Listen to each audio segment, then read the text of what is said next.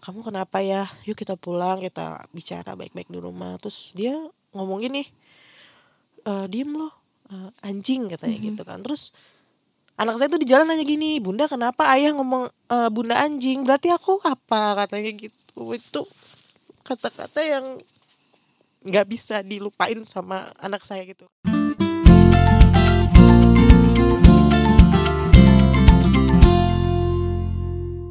Hai Mam, selamat pagi, siang, ataupun juga malam yang bertemu dengan saya Reza. Masih juga di podcastnya Orami Parenting Kali ini dengan tema uh, Curhat Mams. Curhat Mams kali ini spesial banget Karena Curhat Mams ini adalah salah satu cerita yang pernah diangkat juga Di satu artikelnya parentingorami.id Di Momspiration. Kita bertemu langsung saja, langsung ngobrol aja Nggak perlu panjang lebar lagi dengan Mams Laras. Halo Mams Laras. Halo Mbak Reza. Assalamualaikum. Waalaikumsalam warahmatullahi wabarakatuh. Moms Laras, saya sempat membaca artikel di parentingoramil.id nih tentang Moms Laras memilih bahagia bersama anak-anak. Iya. Ini sebuah judul yang uh, sedikit mengulik saya, bahagia memilih bahagia dengan menjadi seorang orang tua tunggal. Iya. Boleh diceritain gak sih Mams awal berumah tangga dengan suami dan hingga, hingga akhirnya Mams memilih untuk menjadi seorang orang tua tunggal? Terima kasih Mbak Reza. Mm -hmm. Awalnya itu saya dengan suami tidak ada hubungan pacaran ya. Mm -hmm. Jadi kita langsung perkenalan gitu aja lah gitu. Antar okay. keluarga, antar pribadi gitu. Saya mengenal pribadi dia, dia mengenal pribadi saya. Akhirnya kita menikah.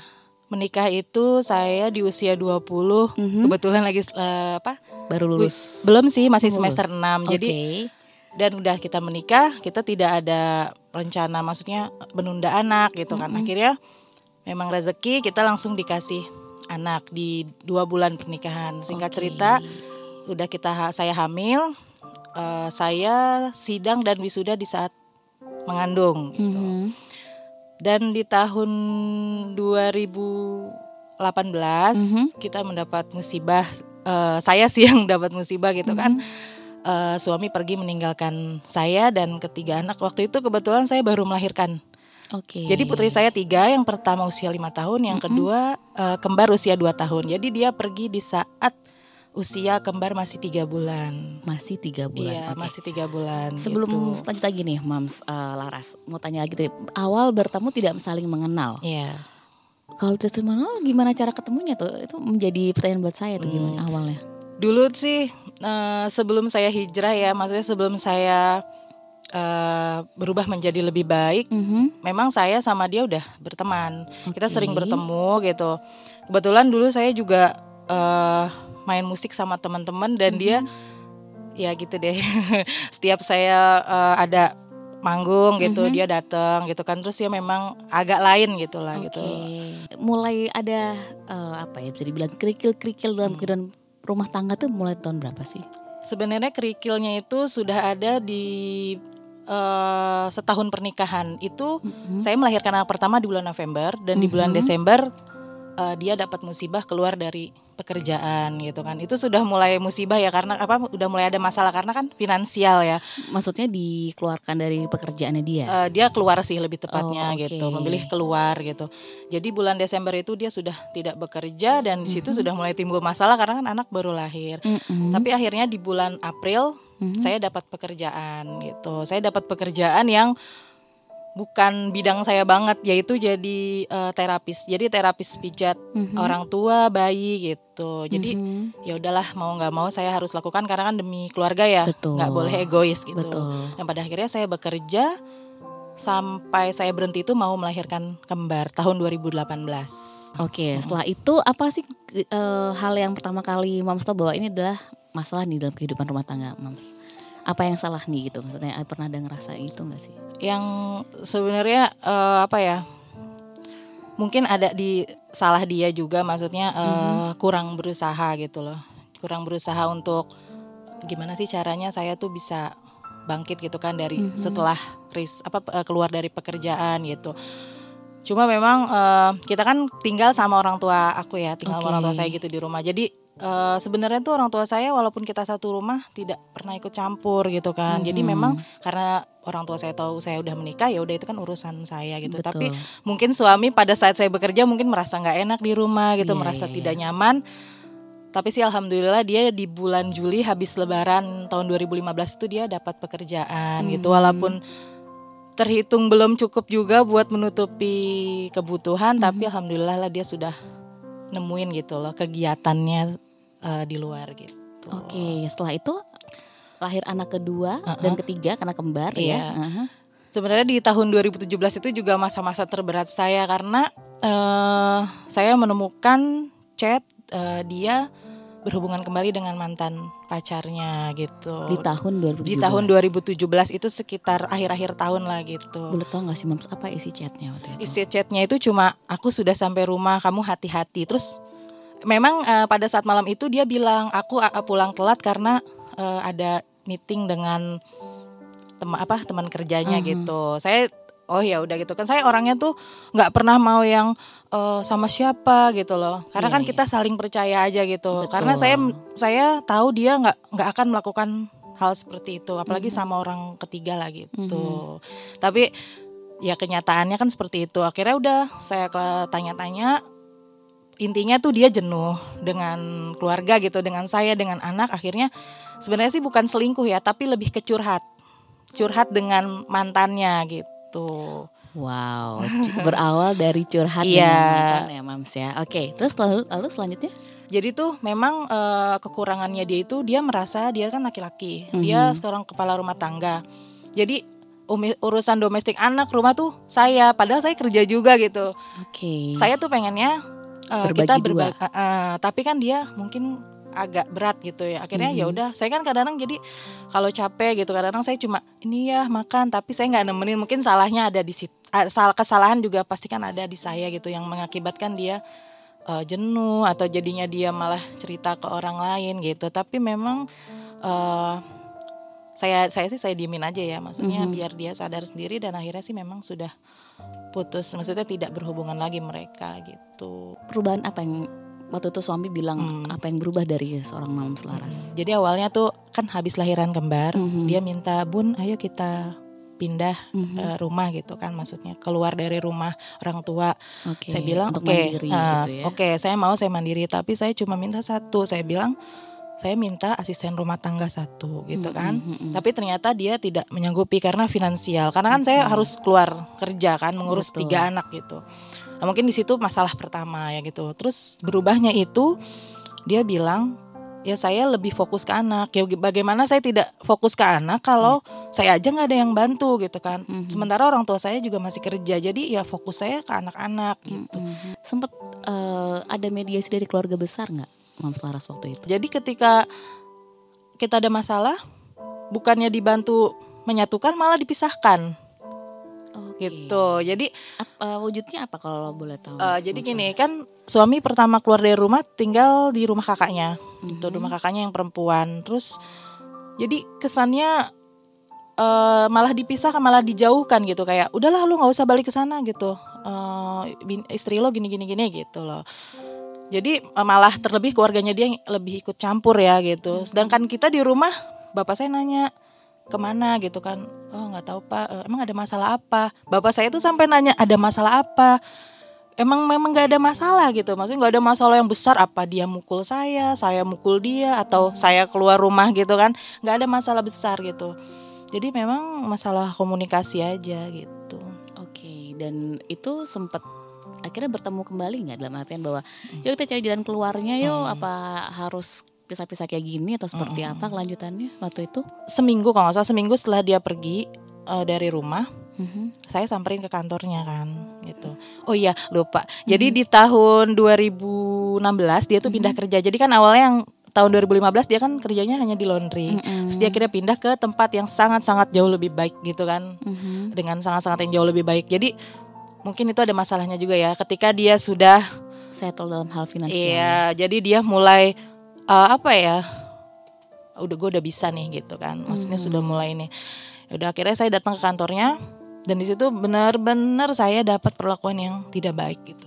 Sampai eh, em, dia mengeluarkan kata-kata yang sampai sekarang anak saya ingat gitu kan. Eh, kata-katanya agak kotor. Pokoknya intinya di- anak saya tuh sampai ingat banget sampai sekarang gitu kan. Waktu itu boleh ceritain nggak Mams? Awal Mams datang ke kantor itu pagi, Malam.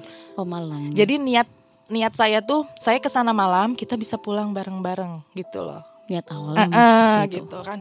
Eh, akhirnya udah sangat-sangat tidak baik akhirnya saya pulang tuh udah ya udah dan pulang itu pun dia udah langsung aja naik ke atas gitu loh ke Kantor kantornya saya tunggu saya kan WA saya eh, di blok ya maksudnya keadaannya di blok jadi ya udahlah kak kita pulang akhirnya pulang dan udah nggak ada penyelesaian apa-apa dibentak waktu itu atau Iya, dibentak iya gitu. Dan jujur ya kayak eh, selama saya menikah, saya nggak pernah ngelihat dia yang kayak gitu. Jadi empat Yang- tahun pernikahan eh, jadi yang saya saya sampai gini, ini kok kayak bukan dia gitu. Bukan bukan sosok dia banget yang kasar, yang ngomongnya kasar, pokoknya kasar gitu. Kayak bukan dia banget gitu. Makanya saya sampai bingung gitu. Kok kayak gini gitu. Malah di depan anak loh ya kan. Dia tuh kan sayang banget sama anaknya itu yang pertama dia sayang banget pokoknya. Dia tuh sosoknya baik, baik gitu, baik, penyayang gitu. Setiap eh, dia pulang kerja tuh selalu telepon gitu kan. Mhm. Kamu mau titip apa gitu maksudnya. Jadi pas dia pergi tuh ih ini kenapa gitu kan. Saya pun nggak tahu gitu. Jadi berubahnya pun eh, tiba-tiba gitu loh. Bener-bener drastis banget gitu. Jadi seakan-akan tuh saya tuh dibuang gitu. Itu aja sih. waktu itu anak berkomentar apa mams Eh, jadi aku boleh nggak sih nyebutin kata-katanya? boleh boleh boleh silakan Jadi eh dia saya kan ngomong, saya tuh ngomong pelan karena kan saya Mhm. juga tahu ya itu kan eh, lingkungan rame. Jadi saya Betul. juga kamu kenapa ya? Yuk kita pulang, kita bicara baik-baik di rumah. Terus dia ngomong gini, "Eh, diem loh, eh, anjing katanya Mhm. gitu kan. Terus anak saya tuh di jalan nanya gini, bunda kenapa ayah ngomong eh, bunda anjing? Berarti aku apa katanya gitu. Itu kata-kata yang nggak bisa dilupain sama anak saya gitu kan Hmm. 4 tahun sudah besar ya udah bisa dengar udah bisa ngerti Merekam, gitu iya terus aku bilang enggak mungkin tadi ada di sebelah bunda mungkin ada binatang itu makanya ayah bilang gitu aku jadi em, aku jujur ya mbak Reza Mhm. eh, aku tuh nggak pernah eh, mengajarkan anakku Mhm. untuk membenci ayahnya walaupun ayahnya eh, memperlakukan kita kayak gini gitu. Nggak kasih nafkah selama pergi nggak apa ya kayaknya buat nemuin anak aja berat. Padahal aku tuh selalu buka gitu maksudnya buka kapan mau nemuin anak-anak gitu kan. Dan aku pun nggak pernah mengajarkan anak-anakku untuk membenci ayahnya gitu. Jadi kita selalu kalau anakku bilang gitu ayah ke mana? Ayah kerja gitu jadi ayah eh, belum bisa pulang karena ayah Hmm. kerjanya jauh kasihan kalau misalkan ayah harus pulang. pulang pergi. Aku bilang kayak itu oh iya kapan kita ketemu? Iya nanti kalau ayah ada waktunya pasti kita ketemu gitu. Kakak tunggu aja gitu. Bahkan waktu itu untuk video call aja susah susah banget. Cerita yang sangat berat ya mams ya. Oke setelah mams eh, memutuskan untuk ya sudahlah untuk berpisah gitu. Itu memakan waktu berapa lama? Akhirnya mams akhirnya menyerah untuk eh, dengan mediasi segala macam untuk kembali kepada suami itu. Berapa lama waktunya? Sebenarnya sih bukan menyerah ya tapi mengikhlaskan gitu. Mengikhlaskan iya oke. mengikhlaskan. Jadi Agustus kan dia pergi Mhm. dan masa-masa terberat saya tuh di 4 5 bulan lah. 4 5 bulan setelah Agustus itu ya. Mhm. sebenarnya yang bikin saya berat itu eh waktu itu saya sih masih berpikir positif ya.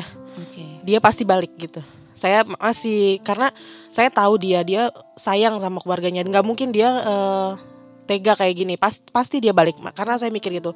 Nah yang paling berat itu yang saya pikirin finansial. Mhm. saya nggak mungkin dong eh, minta ke orang tua terus dengan tiga anak loh tiga anak waktu itu. Terus pertama tuh anak anak pertama saya tuh kebetulan habis masuk sekolah. Jadi Oke. gimana nih gitu kan. Itu ya hal yang paling berat gitu. Akhirnya capek ya nangis tiap malam mikirin gitu. Hmm. terus galau-galau gitu kan. Akhirnya saya memutuskan ke psikolog gitu. Mhm. psikolog itu pun eh, saya dapat info dan itu free ya. Alhamdulillah free. Jadi saya bisa bolak-balik sepuas saya gitu Mhm. untuk ini ke psikolog. Ya udah saya konsul cerita gitu kan. Benar-benar saya menumpahkan semua yang saya rasain gitu kan. Mhm. dan ke psikolog apa dan orang pertama yang saya curhatin itu ke psikolog. Jadi saya nggak pernah curhat ke orang tua Oke. Eh, karena saya pikir saya kalau orang tua pasti membela anaknya jadi saya nggak bakalan nemu titik gimana sih nih penyelesaiannya gitu Oke. Eh, akhirnya ke psikolog udah dan psikolog pun bilang bu ini udah nggak sehat gitu kan memang saya kan cerita dari awal sampai akhir ini sudah Mhm. tidak sehat jadi saya cuma menyarankan ibu berdoa minta sama Allah bagaimana penyelesaiannya gitu kan tapi sih dari matanya psikolog itu sudah "Ya udahlah cerai aja gitu kan Mhm. ya udah akhirnya dari situ saya sering ke psikolog mulai tenang tuh kan hati udah mulai tenang terus pikiran juga udah mulai lepas lah gitu nggak jadi beban. Akhirnya saya bilang sama mama saya mah gimana ya caranya biar aku di rumah tapi bisa nyasilin uang gitu. Mhm. terus akhirnya mikir mikir mikir akhirnya mama saya bilang mbak kenapa kamu nggak eh jasa home care? Home care apa? Saya bilang. Mhm. Kan kamu pernah kerja yang waktu saya bilang Jadi saya jadi terapis. heeh. oh iya ya mah tapi kan itu harus modal ya akhirnya mama saya kasih modal udah saya beri peralatan semua dan akhirnya berjalan dengan baik sampai sekarang Dan kalau boleh tahu hingga saat ini untuk urusan perceraiannya sudah sampai sudah Hmm. dengan ketok palu. kalau urusan perceraian kan saya kan bilang ya eh, saya bilang ke dia gitu kan Mhm. em, ini gimana gitu kan. Saya juga saya juga nggak mau lah digantung terus gitu kan. Nggak enak ya. Mhm. kita mana tahu ada di, di luar sana ada yang mengharapkan gitu kan gitu. Dan dia bilang iya iya iya nanti diurus diurus diurus. Sampai sekarang nggak diurus tapi eh, mohon maaf dia sekarang lagi kena musibah yang besar gitu. Mhm. dan saya juga eh bukan nggak tega ya. Kayaknya eh, nggak nggak tepat aja waktunya untuk kita bicarain perceraian gitu. Tapi memang pada saat dia pergi tidak ada nafkah tidak ada pulang ke rumah gitu kan. Kalau secara di agama Islam itu sudah jatuh Talak. talak. Oke, kalau kita boleh berandai-andai nih Mam Selaras seandainya gitu. Ternyata eh, setelah masalah si suami musibah suami sudah reda atau sudah selesai gitu kan. Suami ingin minta kembali lagi sama Mam Selaras kira-kira Mam Selaras mau nggak?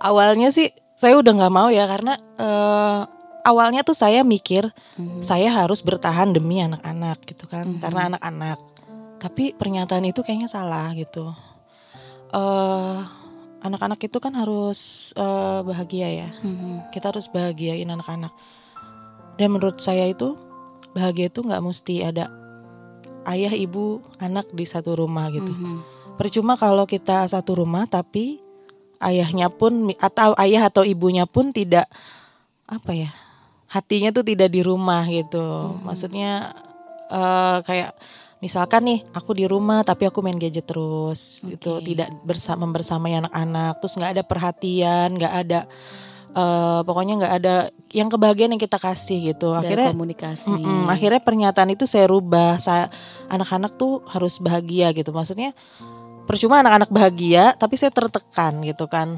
Kan anak-anak yang bahagia ada di ibu yang bahagia juga karena kalau ibunya kayak gini nggak mungkin anak-anaknya bahagia gitu. Iya, Memang pada saat suami pergi juga kan saya kan pikirannya nggak karuan ya. pasti anak pun banget. eh, ya. anak pun terdampak. Saya kadang-kadang suka keceplosan gitu kan ngebentak tapi Mhm. ya Allah astagfirullah gitu kan ini lagi gitu jadi kalau untuk balik kita lihat aja bagaimana usaha dia untuk memperbaiki kesalahannya gitu.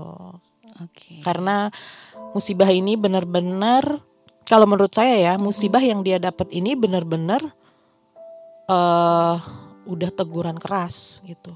Udah teguran keras Atas apa yang atas apa yang sudah dia perbuat. Jadi memang ya gitu tabur tuai. Mhm. apa yang dia dulu tabur sekarang dia inilah gitu. Boleh ceritain nggak sih Mams waktu-waktu masa-masa ketika Mams akhirnya eh, mungkin mencari eh, apa ya tambahan atau biaya gitu untuk anak-anak. iya oh iya sebelum jadi terapis itu memang eh, reseller sih lebih tepatnya. Karena kan saya nggak punya modal dan nggak mau membebani orang tua gitu kan. Mhm.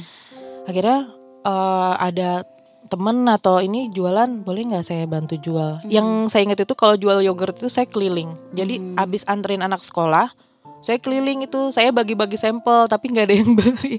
Jadi abisnya di sampelnya doang gitu. Oke. tapi ya udah gitu deh. Jadi keuntungannya cuma buat jajan-jajan biasa gitu. Nggak ada yang bisa mencukupi kebutuhan gitu. Akhirnya ya ojek online sih lumayan ya. Kalau ojek online waktu itu cuma kan capek ya udah gitu waktunya terbatas karena di rumah mama saya pun masih kerja gitu Mhm. jadi ya saya memutuskan untuk di home care gitu. Apa pelajaran yang bisa Mams eh, tarik ketika mendapatkan masalah ini Mams waktu itu? pelajarannya banyak banget ya Mhm. eh, segala yang kita punya sekarang, segala yang kita miliki sekarang harus harus harus harus wajib disyukuri gitu maupun itu susah seneng sulit apa harus disyukuri karena Allah bisa cabut nikmat itu kapan aja gitu seperti membalikan eh, tangan. dan itu terjadi di eh, ayahnya anak-anak gitu jadi Mhm. dia benar-benar musibah yang dia alami sekarang itu benar-benar Allah benar-benar tarik semua nikmat yang dia punya gitu kan. Nikmat makan nikmat bersama istri nikmat bersama anak nikmat pekerjaan yang udah pekerjaannya tuh yang udah ibaratnya udah enak gitu. Jadi semua nikmat yang dia punya mungkin dia tidak bersyukur masih merasa kurang masih mengeluh akhirnya sekarang ditarik semua gitu kan nikmatnya dengan musibah yang dia dapat gitu. Terus kalau aku boleh tahu nih Mams, apa tantangannya Mams saat ini menjadi seorang single mom? Untuk terutama dalam hal parenting ke anak-anak ya. Iya benar tantangannya itu memang parenting karena eh Anak pertama perempuan. anak anak saya semua perempuan. Oh, tiga-tiganya perempuan. Oke. Ya tantangannya itu ya parenting karena mau kita saya sih jujur ya saya tuh bisa melakukan semuanya tanpa ayahnya anak-anak mencari uang bisa mengurus pokoknya segala yang dia lakuin saya bisa gitu Mhm. saya bisa sendiri tapi kita nggak bisa menghindari bahwa anak itu juga butuh sosok ayah sosok laki-laki gitu tidak bisa dipungkiri itu pasti butuh gitu kan Mhm. eh waktu itu psikolog saya bilang, Mbak, kalau ayahnya tidak bisa dihubungi, Mbak harus bergerak, katanya gitu. Bergerak gimana? Saya bilang terus eh, psikolog itu bilang, Mbak harus cari seorang laki-laki yang mengga- bisa menggantikan sosok ayah, gitu. Siapa Mbak? Di rumah ada siapa? Katanya. "Eh, ada nggak laki-laki? Katanya. Oh ada omnya sama bapak saya kakeknya. Akhirnya ya udah Mbak pilih salah satu yang menurut Mbak bisa menggantikan sosok ayah gitu. Karena kan waktu itu kan dia lost contact, dia nggak bisa dihubungi. Jadi Mhm. udahlah saya ya udahlah gitu kan, nggak nggak usah berharap gitu. Akhirnya saya minta sama bapak saya yang udah tua gitu kan, udah mau udah mau 70 tahun, saya bilang, "Pak, eh, aku am- sampai bersujud gitu kan. Saya eh, aku mohon gitu kan, Mhm. eh ada sedikit eh, sosok ayah di cucu gitu kan Mhm. dan eh, bapak saya sih welcome aja gitu. Memang bapak saya tuh sayang sama cucu. Mhm. deket deket banget gitu kan. Jauh sebelum ayahnya pergi pun udah deket gitu. Iya. jadi memang hubungannya baik. Ya, alhamdulillah sih sampai sekarang bapak saya mengisi itu. Contohnya nganterin sekolah gitu kan. Mhm. terus kadang ngajarin baca ke anak saya gitu. Terus pokoknya the best lah bapak saya tuh yang menggantikan Apa waktu itu Bapak katakan ke uh, Mams Laras ketika Mams Laras sujud di Hmm. kakinya bahwa ayah Bapak memang dulu menjadi Bapak saya tapi Hmm. karena satu hal ini aku juga minta Bapak juga menjadi Bapak buat anak-anak sosok Bapak yang buat anak-anak gitu. Eh, bapak saya waktu itu cuma mengusap kepala saya sampai bilang yang sabar cuma itu aja sih karena eh memang tidak mau ikut campur jadi cuma kasih support gitu loh sabar dan orang tua saya tuh mengajarkan saya benar-benar ikhlas. Maksudnya mbak harus ikhlas. Kalau mbak ikhlas semuanya bakalan lancar gitu. Karena kan kalau kita nggak ikhlas masih misalkan nih anak rewel gitu kan terus Mhm. ih gara-gara dia nih gue jadi ribet gitu kan. Mhm. kadang suka mikir gitu. Jadi kadang-kadang kalau apa anak gimana gimana ya udahlah gitu. Maksudnya dinikmati. Semua saya nikmati yaitu karena ilmu ikhlas yang diajarin bapak sama mama saya. Apa yang bisa Mbak Laras sampaikan ke Mams yang lain yang mungkin saat ini juga mengalami hal yang sama seperti Mbak Laras?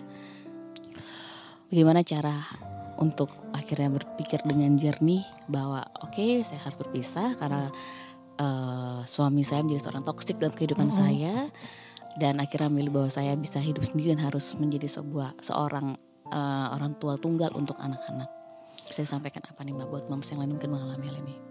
Kalau untuk moms yang mengalami eh balik lagi ya kuncinya kita harus ikhlas. Mhm. Eh, ikhlas terus eh, memang sih harus cari ya jalan keluar gitu kan.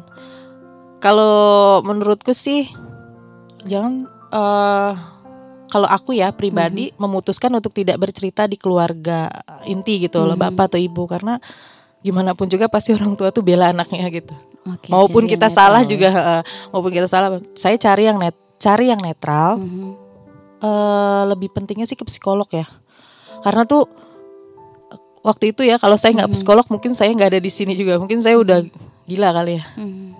Udah nggak karuan. Mungkin anak juga nggak keurus gitu. Memang kuncinya ke psikolog. Cari temen yang bisa kasih solusi, bukan kasih solusi, tapi eh, support. Oke. Jangan yang memojok-mojokkan gitu loh. Mhm. Karena ada ya yang kita cerita, iya tuh laki lo gitu misalnya gitu. Mhm. Jangan, jangan. Ca- pokoknya cari. Kadang-kadang sahabat belum tentu loh bisa kasih kita Iya. support gitu. Kadang malah membela kita juga. Makanya cari yang netral gitu. Mhm. Terus itulah sabar, ikhlas, lepaskan, berdamailah dengan diri sendiri dulu. Jangan ke mana-mana dulu. Pokoknya kan kita kan lagi kacau. Mhm. Kita berdamai dulu sama diri kita gitu. Kita juga harus muhasabah diri ya. Mhm.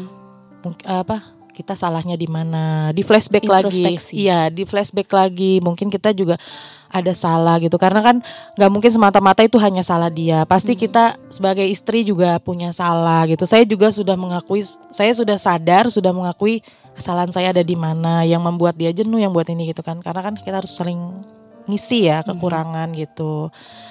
Terus apa ya? Oh iya pesan saya tuh jangan dilampiaskan ke anak-anak gitu. Karena pasti pasti kelampiasannya tuh ke anak-anak gitu. Iya. Heeh, gitu kan. Lampiasannya itu kalau bisa sesuai agamanya aja gitu kan. Berdoa, cari ketenangan sama Tuhan ya. Tuhan Mhm. kita itu cari ketenangan gitu. Itu aja sih pokoknya. Oke, terima kasih Mam Selaras Iya, sudah mau berbagi. Reza. Semoga semua masalah juga selesai dan semoga si kecil umurnya siapa namanya? Eh, yang pertama Sakila, umur lima Sakila. tahun, terus yang kembar Nadia dan Nadira dua tahun.